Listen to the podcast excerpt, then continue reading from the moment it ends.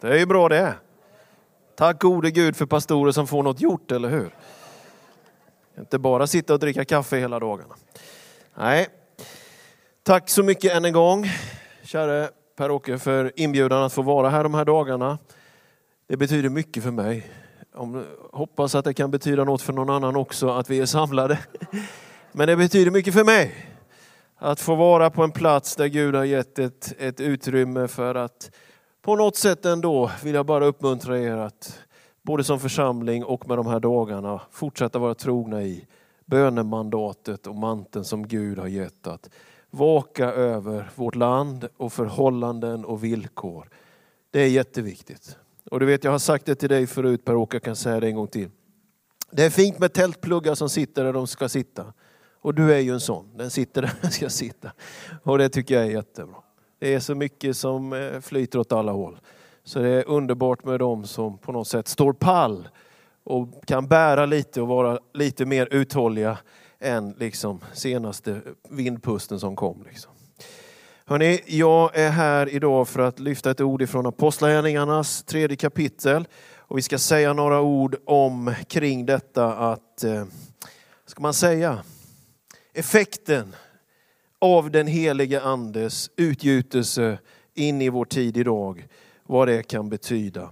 Jag lyfte igår kväll här om att vi behöver få en, en växande kärlek till det som är heligt, till det som är av Herren. En växande kärlek till det som är karismatik, en växande kärlek till kyrkan, till församlingen. Och jag går väl lite grann vidare på det spåret och, och så får det en liten annan nyans kanske idag här då ifrån Apostlagärningarna 3. Och eh, nu så får ni stå upp igen så läser vi Bibeln tillsammans. Det är ju Lukas som berättar, han tecknar ner vad Herren gör. Det är inte alls fel med det lite mer schematiska, systematiska. Men det finns något fantastiskt i vittnesbördet. Någon som bara berättar vad Gud gör. Och så är ju Apostlagärningarna. Hela den boken är ju skriven så. Det är bara, han bara försöker dokumentera vad Gud gör. Och det är fantastiskt. Vet du, det är också teologi.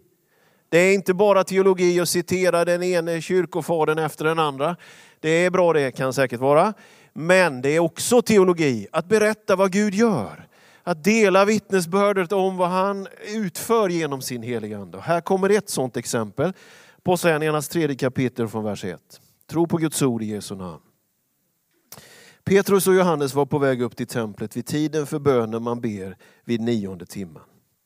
Då bar man dit en man som hade varit lam från födelsen. Varje dag satte man honom vid den tempelport som kallas sköna porten för att han skulle be dem som var på väg in i templet om en gåva. När han nu såg att Petrus och Johannes skulle gå in i templet bad han om en gåva. De fäste blicken på honom och Petrus sa, se på oss.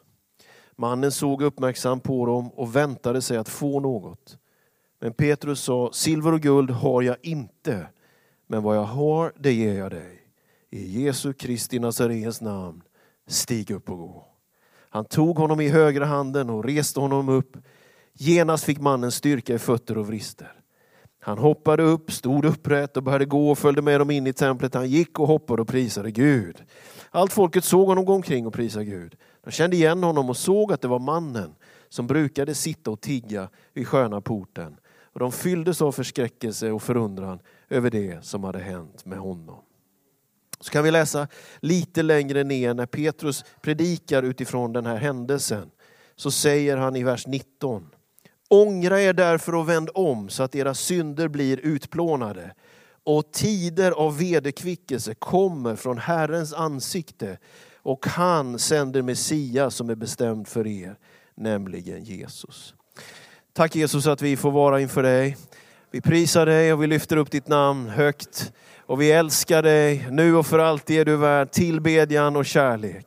Tackar dig för de här dagarna, jag tackar dig för det här utrymmet av gemensam bön, av kärlek till det som tillhör dig, av församlingstrohet, av kärlek till det karismatiska, av kärlek till det heliga. Tackar dig för att också den här dagen ska få tjäna dina syften. Och att den här dagen är större än dagen i sig själv. Att den kan få ha inverkan på 2018. Den kan få ha påverkan på personer som inte är i det här rummet. Den kan ha påverkan av skiften i den andliga världen. Jesus, vi tackar dig för att vi får samarbeta med dig, Herre. Tack att vår tro inte är någon fatalistisk ödestro, utan du har gett oss helig ande till att också utföra någonting. Att varje bön gör skillnad, varje delande av vittnesbördet faktiskt betyder någonting. Vi ber så att du ska tala till oss och ge bränsle till vår bön, Herre, i Jesu namn. Amen. Amen. Varsågod och sitt ner. När jag gick eh, bibelskola i USA så pastorn i den församlingen där vi var med, han sa ofta den här strofen. Times of refreshing from the presence of the Lord. Tider av vederkvickelse från Herrens ansikte. Varje bönesamling på morgnarna och på kvällarna. Så var det den här strofen från Apostlagärningarna 3. Times of refreshing from the presence of the Lord. Det är någonting med den pingstkarismatiska rörelsen som fick en nytändning för hundra år sedan drygt och som idag väller fram som en av de mest dynamiska, ungdomliga och globalt sett är det världens mest växande folkrörelse. Vet du att du är med i den mest framgångsrika och expansiva rörelsen eh, om du tittar över egentligen hela spektrat. Det är fantastiskt. Men du vet i Sverige ibland, vi, liksom, vi vill ha det, det är mellanmjölk och kall gröt. Liksom, det är vad vi, vi ser inte allt sånt där. Men det är viktigt att påminna sig om att det som är andeutgjutelsens effekt, det går inte att räkna bort längre. Du vet, det äter sig in i de akademiska institutionerna, det äter sig in i nyhetskanaler, det äter sig in i politi politiska sammanhang, det äter sig in i näringsliv. Inte så mycket i vårt land än. Men det är så världen över idag. Att det finns en slags rörelse, en effekt som verkar ha sin enda rot i att människor får möta och erfara, beröras och faktiskt till och med berusas utav den helige andes närvaro. Effekten av pingsten är långtgående. Effekten av pingsten har en effekt som leder till att skiften förändras. Det är någonting som är så vackert utav att det verkligen, verkligen inte är vår förmåga, vår kunskap. Förr citerade vi ofta i våra sammanhang, icke genom någon människas styrka eller kraft ska det ske, utan genom min, säger Herren. Vad än du vara må du höga berg, som reser dig upp emot Zerubabel så ska du ändå förvandlas till jämnmark. står det där. Det finns den här effekten av att inte ha pengar. Ni vet, det säger ju aposteln Petrus här. Varenda kassör i pingströrelsen kan säga amen till det här. Silver och guld har jag inte, säger han. Ni vet det, det var en sån där marknad. va. Starke man och man kunde tävla mot honom och klämma ut mest droppar ur en citron. Och ingen lyckades. Till slut kom det en spenslig grå farbror fram. Och minsann lyckades han få ur en droppe till. Och starke man och alla andra undrar, hur kunde du få ur det? Ingen konst, sa han. Jag har varit kassör i Pingstkyrkan i 30, 30 år sedan. Ja, det, det tillhör inte predikan det här.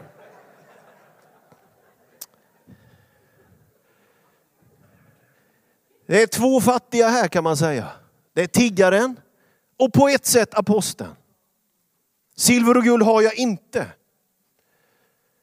Men det finns en fattigdom som förlamar. Det är tiggeriet som sitter där. Men det finns en fattigdom som befriar. Och det är när man känner det är inte mina pengar, det är inte min eventuella ledarförmåga, det är inte min eventuella intellektuella stringens, det är inte vilka jag känner, det är inte vilka liksom, kontakter du och jag har. Det har jag inte, säger aposteln. Han kanske till och med utmanar oss i den välmående västvärlden att börja tacka lite nej till det materiella och inte sätta vår förhoppning till vårt eget bankkonto. Utan sätta vår förhoppning till att om inte elden brinner i mitt hjärta så sker inga skiften överhuvudtaget. Silver och guld har jag inte, säger han. Vet, man kan vara fattig på ett felaktigt sätt och bli en tiggare. Men man kan vara fattig på ett gudfruktigt sätt och vara beroende av Gud. Den helige andes gåva. Gång efter gång har det ju bevisats genom historien och väckelsehistorien. Att människor ber om på så här vackra bilar och vackra fruar kanske till och med, jag vet inte. Och Gud brukar svara med standardbönesvaret. Dopet i den helige Ande. Det är standardutrustningen. Kraften, livet utav den helige Ande. Silver och guld har vi inte. Men det vi har det ger vi. I Jesu Kristi Nazarens namn. Och så står det så vackert att han tog honom i högra handen. Jag älskar det där och jag är ju pingstpredikant så jag brev på lite grann. Vem är Guds högra hand? Vem sitter på Faderns högra sida? Vem är det som utför någonting? Jo men det är ju Jesus Kristus. Han tog honom i högra handen och sa, Jesu Kristi Nazarens namn, res dig och gå. Och den lame fick kraft och han reste sig och gick. Du vet pingsteffekten, det här har jag ju sagt 500 miljoner gånger, kanske inte riktigt, men nu var vi ju pingstpastorer här. Det är ju att dopet i den heliga ande leder till att Jesus blir älskad och trodd. Det är egentligen det som är vårt bidrag till kristen tro. Drick av denna källa och människor får möta Jesus. Fylls av denna eld, av denna vind. Låt dig beröras av detta som är elementen ifrån himmelen. Och frukten kommer att bli att Jesus blir trodd och älskad. Det är inte svårare än så. Det är det det handlar om. Vi samlas till bön för att fyllas av någonting som ska leda till att människor älskar Jesus Kristus som aldrig förr. Och du vet, det där är en fight idag. Det är ju frestande att gå in och citera lite artiklar från den här mannens vackra fina tidning Världen idag om debatter som pågår. Absolut. Men vi kan ta några exempel från kyrkohistorien istället. Vi tar inaktuella nyheter från den kristna historien istället för aktuella. Jag känner det att jag, jag nöjer mig där idag. Du vet det fanns en rörelse i den tidiga kyrkan, man kallar dem för ebioniterna. Ebionit, det betyder de fattiga. Det de ville säga var att nej, Jesus han, han var ju inte Gud. Han var inte jungfrufödd och han var inte Gud. Man förminskade honom. Man ville inte läsa alla böckerna i Nya Testamentet. Bara de som lite mer tydligt drog till det som är lagiskhet och kanske det judiska ceremoniella livet. Den rabbinska judendomen med Hillel och andra växer ju fram faktiskt parallellt med den kristna rörelsen och så äter det sig in i kyrkan en sån rörelse som är bioniterna som säger Jesus var inte Gud. På andra sidan har du en annan rörelse som heter doketismen. De säger nej, Jesus blev aldrig människa, det var bara skenbart. Jungfrufödseln har inte ägt rum. Vi firar inte jul att han blev människa utan det, finns, det är som en vacker bild. Och de av oss som har något litet öra ner i kyrkohistorien och samtidigt läser och ser då nutida debatter, inser att det är samma kamp. Det handlar om, vem är Jesus Kristus? Jag vet på vem jag tror, läste vi igår kväll. Aposteln Paulus skriver till Timoteus. Där vi behöver leva i, i bön och ansvarstagande är att fyllas av den helige Ande jag ser det som den enda räddningen för att Jesus tron inte ska perverteras i det här landet. Vi behöver en ny pingst. Vi behöver ett nytt omtag av vad det innebär att vara fylld av helig ande. Det det handlar om är vilken Jesus som blir predikad i det här landet. Vilken Jesus som blir presenterad. Vilken Jesus som folk får i handtaget så att säga. Är det något slidrigt som inte ni vet den där, ni vet när man hälsar på folk, döda fisken kallar man det. Är det en sån Jesus? Liksom? Eller är det en Jesus som liksom förstör och bryter ner? Är det liksom, vilket handslag är den kristna rörelsen till den förlamade fattige tiggaren? Du förstår min poäng. Vad har vi i handen? Gud ska hjälpa oss att vi förstår att mottagligheten känsligheten, kärleken till det karismatiska livet kommer att bära den frukten att Jesus blir älskad och trodd. Sann Gud och sann människa. Herre över herrar, honom för vilken all ära i församlingen tillhör nu och för alltid. Högt lovad är Jesus Kristus. Hela församlingens syfte är att tillbe och älska och tjäna honom. Församlingen har som ett uppdrag att vara lovprisande och tillbedjande. Apostlarna var på väg upp till templet, man var på väg upp till böneplatsen. Och det finns en sån kärlek i det som den heliga Ande ger. När aposteln Paulus skriver första Korinthierbrevet 13, kärlekens lov, så talar han ju om det här ekande bronset och det skrällande symbalen. Om jag saknar kärlek så är jag som ett ekande brons. Vet du, det är inte alls omöjligt att Petrus och Johannes hörde det ekande bronset vid det här tillfället. För det var ju den trumman man använde för att kalla till bön uppe på tempelplatsen. Det ekande bronset, symbolerna. Det var en del av samlingen. Nu är det dags att komma och be. Där har du den bakgrunden till att han använde det i kärlekens lov. Alltså det är kallelsen till bön. Är bönen för dig och mig det pliktskyldiga?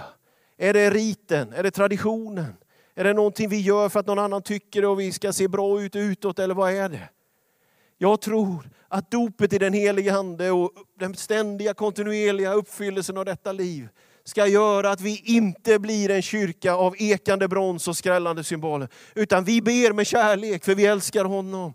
Vi ber med kärlek för att vi är fyllda av helig ande. Vi ber utifrån att vi har fått kontakt med ett källflöde som leder till denna kärlek. Det är mitt, nästan tror jag, livsbudskap att predika. Och det, det, jag hoppas inte jag gör våld på texterna, men vad jag än läser så tycker jag det här är det enda jag ser. Nästan. Och den här lame mannen, han, han, liksom, han hoppar upp och han blir lycklig och han prisar Gud. Han blir befriad från sin fattigdom. Och det jag har sett genom i, i min korta historia som, som församlingspastor, jag ser några av våra finaste bedjare i församlingen Västerås här nere. Jätteroligt. Alltså det jag har sett under 25 års tid som pastor, det är på ett sätt kanske naivt och det kanske är utopiskt, romantiskt, banalt. Men jag tror verkligen att om bara alla blir döpta i heligan så ordnar sig allting. Nästan liksom. Typ säger vi ibland. Åt det hållet i alla fall. Eller, eller vad säger ni? Är det tillräcklig kunskap och liksom att vi skärper oss? att vi förs Nej men det är ju egentligen inte det det är. Utan det är ju ett liv, en passion, en beröring, någonting som sveper med. Det är ju inte tyckandet liksom, utan det var ju vinden, elden. Det här som Gud gav ifrån höjden. Som präglade dessa apostlar. Så var de sen kom så tog de folk i händerna och reste upp dem. Och jag tänker att det blir så fel när vi sitter där och på något sätt tigger. Liksom. Är, han ville ha pengar, han var där och satt där och var som på något sätt fastcementerad. Och det finns något slags tiggande i tiden. Jag har levt mycket med den här texten, den har präglat mig mycket när, när Jesus kommer över på Gerasenernas område. Och där är den här mannen som är besatt av en legion av andar. Legion som var den romerska arméns största liksom, hopsamlande, 5000 man. Han får dra sig ut mot gravarna, man försöker kedja fast honom. Ingen kan hantera den här mannen. Och Det finns någonting av ett slags andlighetens rofferi, tiggeri, sätta sig själv i centrum. Vad får jag ut av det här?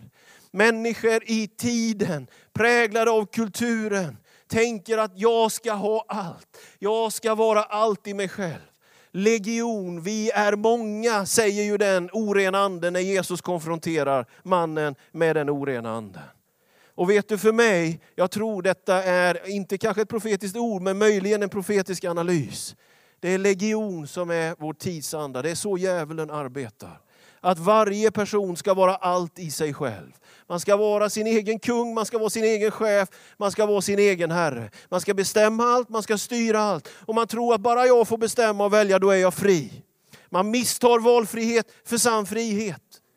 Och det är ett smart sätt av djävulen att göra oss till egoister, till roffare, till egoister som tigger.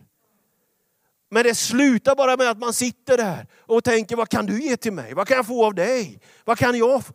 Men det vi ser är en våg som gör att vi vill någon annanstans. Vi vill ut, vi vill vidare, vi vill missionera, vi vill ge. Vi vill inte bara be för oss själva, vi vill be för dem som är långt där borta.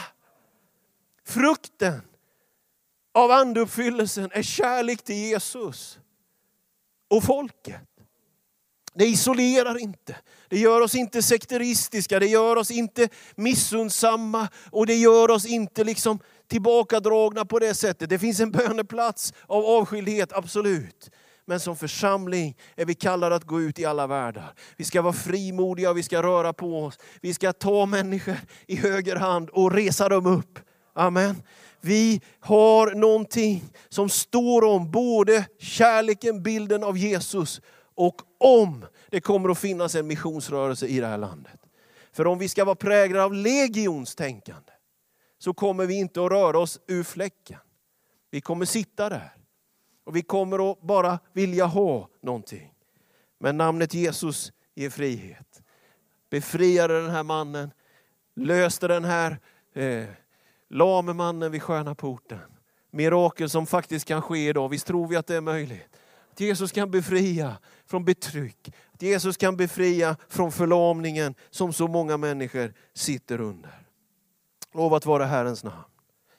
Och när jag liksom tänker och ber och funderar över Sverige så, så kommer ju en del av de här tankarna till en och så funderar man över kristen närvaro i vårt land. Och slog mig när jag tänkte på det här att långt före att det fanns en nationalstat som hette Sverige fanns det en kristen kyrka i det här landet. Tänk på det.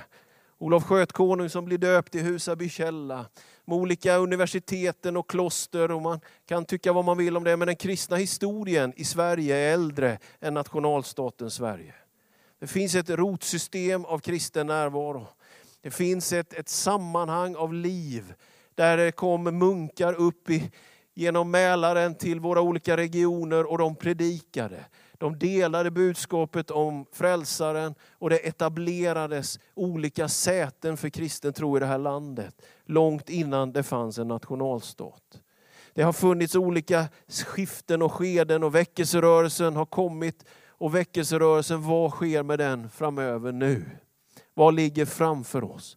Vi har en rik kristen historia. Vi har en situation där enhetskyrkan med sitt majoritetsanspråk gjorde oss till kulturellt kristna och på något sätt får vi ändå konstatera att det förlamade väldigt mycket av det andliga livet. Det finns någonting av en väckelserörelse som har dykt upp i lite olika former inom pingstväckelsen. Maranatarörelsen, trosrörelsen, de här olika sammanhangen. Och nu är frågan, vad händer nu? Vad händer nu? Vad är de kommande tio åren? Jag sa till Per-Åke igår kväll när vi pratade lite grann, om vi inte tar längre perspektiv framför oss än så, men ändå tar det tio år. De kommande tio åren så måste vi ta ansvar för det här landet.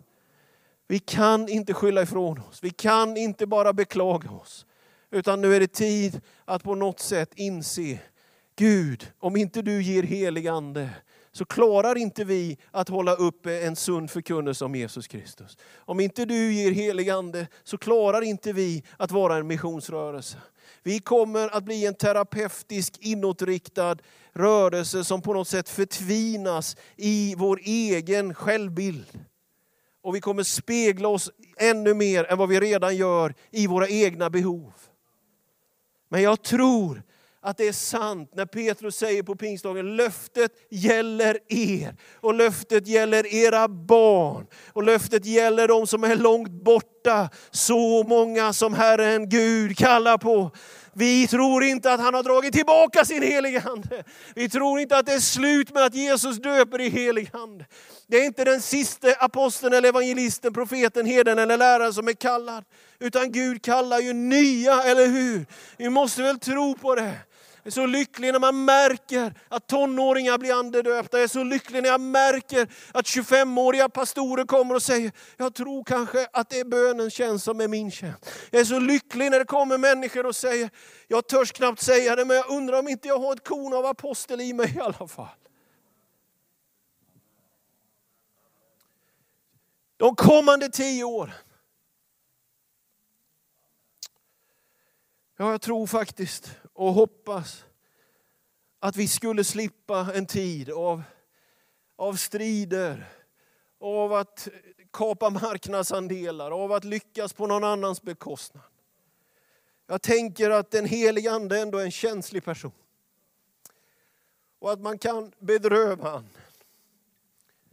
Och att om vi är missunnsamma till grannförsamlingens framgång så skadar det inte grannförsamlingen men det förstör vår egen själ.